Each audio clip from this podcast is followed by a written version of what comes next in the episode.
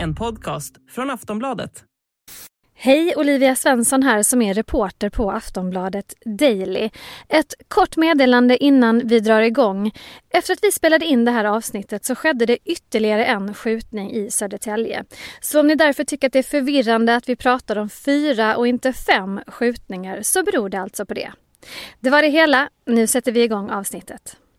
Våldsspiralen i Södertälje fortsätter. På åtta dagar har nu fyra skjutningar skett i Södertälje. Vi hade tidigare under kvällen en skjutning uppe i Ronna. Eh, nu för ett litet tag sedan fick vi bekräftat att mannen är i 40-årsåldern och har avlidit av sina skador. Det är år 2022 och skjutningarna i Sverige fortsätter.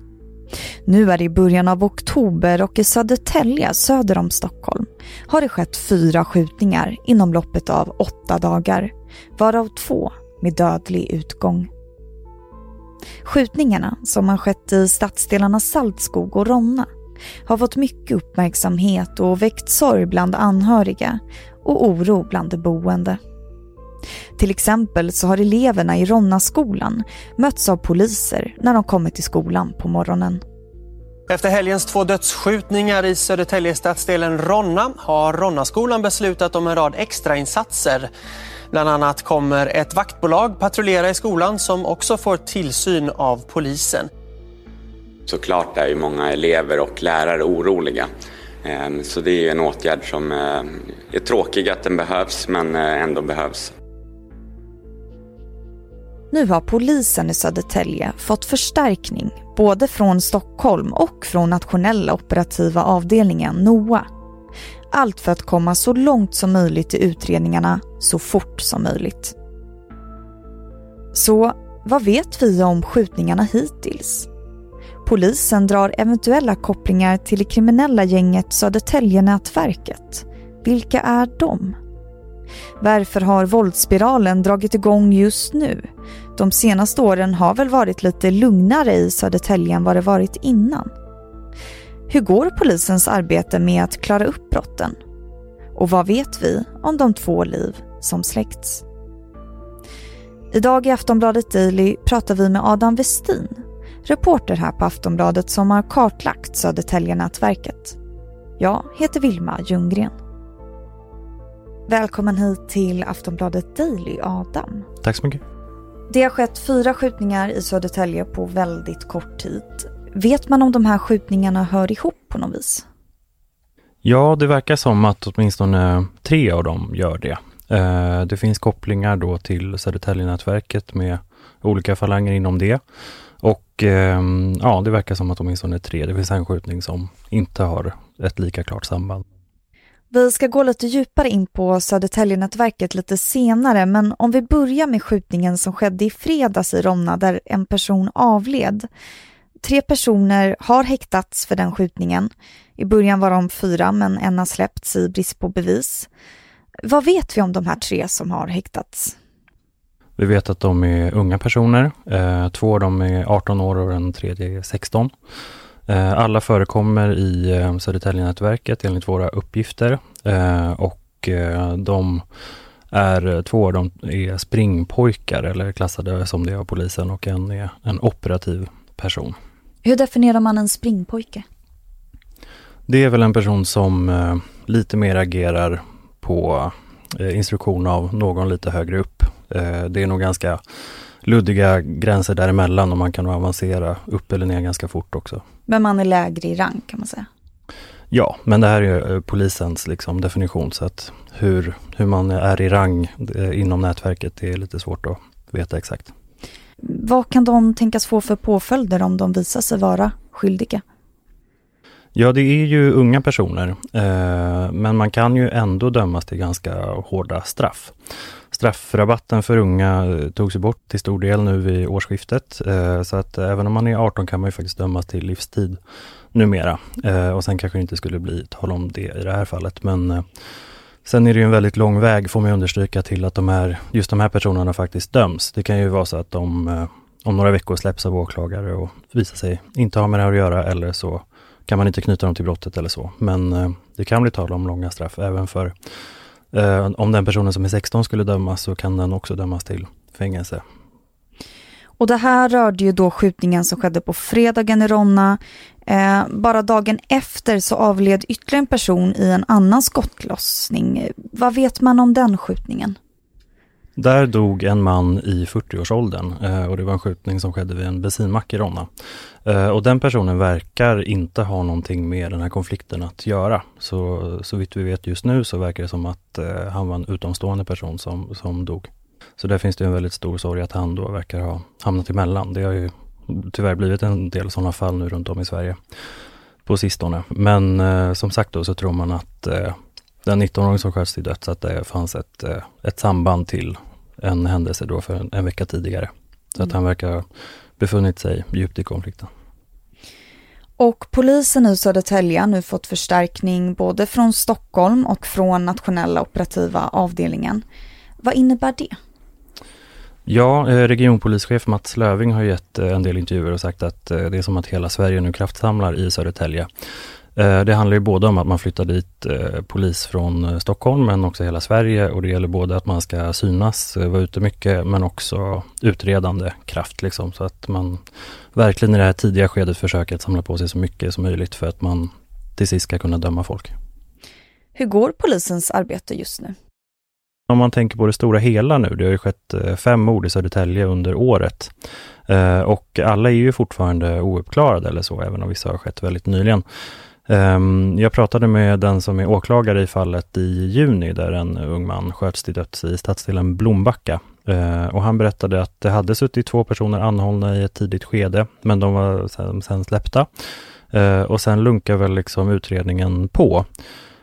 och jag frågade sådär, när tror du att du kanske väcker åtal eller sådär? Och då sa han att vi får väl se om jag gör det.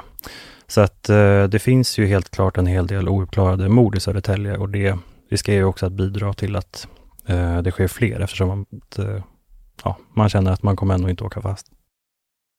Aftonbladet Daily är snart tillbaka. A lot can happen in the next three years. Like a chatbot may be your new best friend.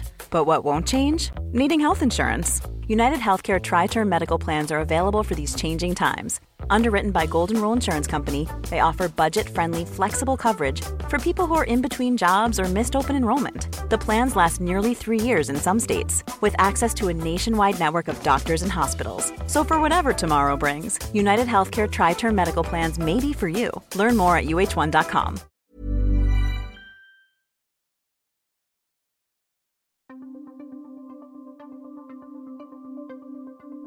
Södertälje fick mycket uppmärksamhet för ungefär tio år sedan då ett antal dödliga uppgörelser skakade om staden. Då slutade det hela med att många högt uppsatta ledare inom Södertäljenätverket fängslades och tiden efter det beskrivs som lugnare än innan. Men den senaste veckan vittnar om någonting annat. Vi hör Adam Westin igen om varför han tror att oroligheterna har återvänt till Södertälje. Ja, vi, vi tror väl att eh, det, även om de dömdes, eh, ledarna för Södertäljenätverket där eh, i början på 2010-talet, så har det fortfarande funnits liksom en, en eh, maktstruktur som har varit ganska solid. Att eh, det var ju Berno Kori då dömdes ju till livstid, men att han har haft en, eh, en som har jobbat i hans ställe på något vis som ändå har sett som en ledare, men att det allt mer har utmanats. Um, och det är väl det vi ser just nu, eh, en sorts maktkamp. Och han var ledare för Södertäljenätverket. Mm. Men om vi ska gå in lite på Södertäljenätverket, vilka är de? Ja, eh, och där har ju, det finns en polis som heter Gunnar Appelgren som eh, utredde det här tidigare då och har följt det väldigt länge.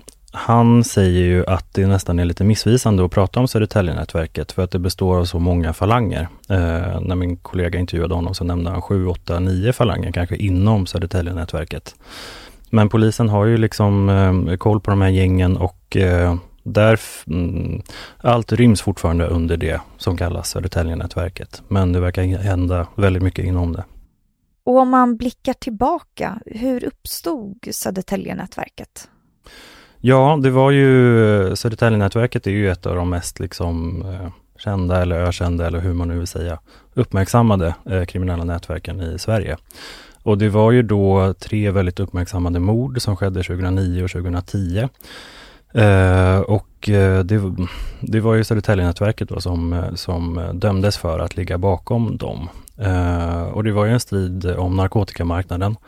Eh, det fanns då en eh, yttre fiende som, eh, som var X-team, som var en undergruppering till Bandidos i Södertälje. Men det fanns också liksom personliga band i väldigt hög grad som spelade in där. Och de här skjutningarna som har skett nu, de har skett i två stadsdelar som heter Ronna och Saltskog.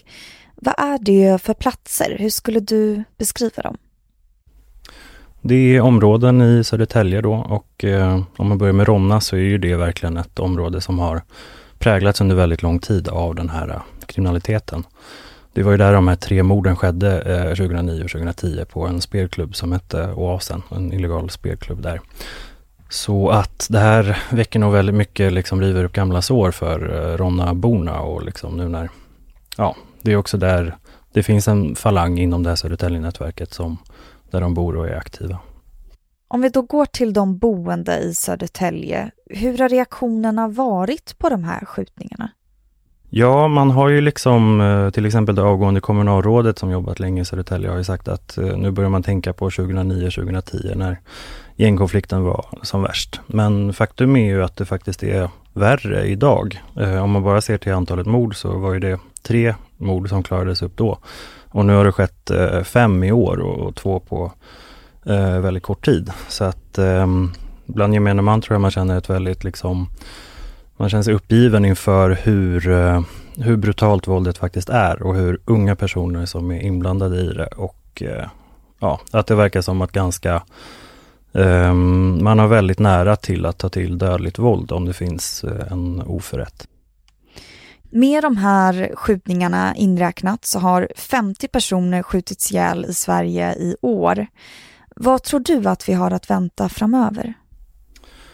Ja, det är ju väldigt många pågående konflikter. Bara de sista veckorna så har jag skrivit om Södertälje och Skarpnäck och Eskilstuna och Kristianstad. Och det finns väldigt många aktiva våldsspiraler, tyvärr. Och eh, just här i Södertälje så verkar det ju finnas hämndmotiv mellan de olika skjutningarna.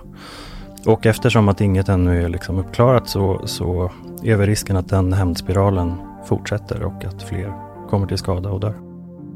Tack så mycket Adam Westin för att du gästade Aftonbladet Daily. Tack.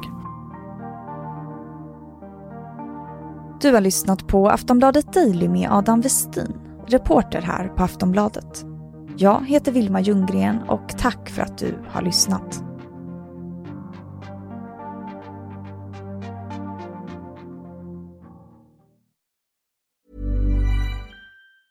When you're ready to pop the question, the last thing you want to do is second guess the ring.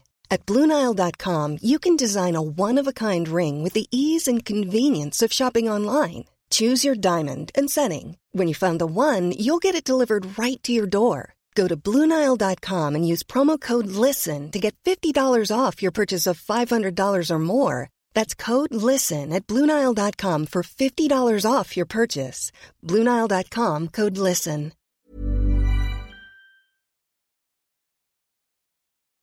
Du har lyssnat på en podcast från Aftonbladet. Ansvarig utgivare är Lena K Samuelsson.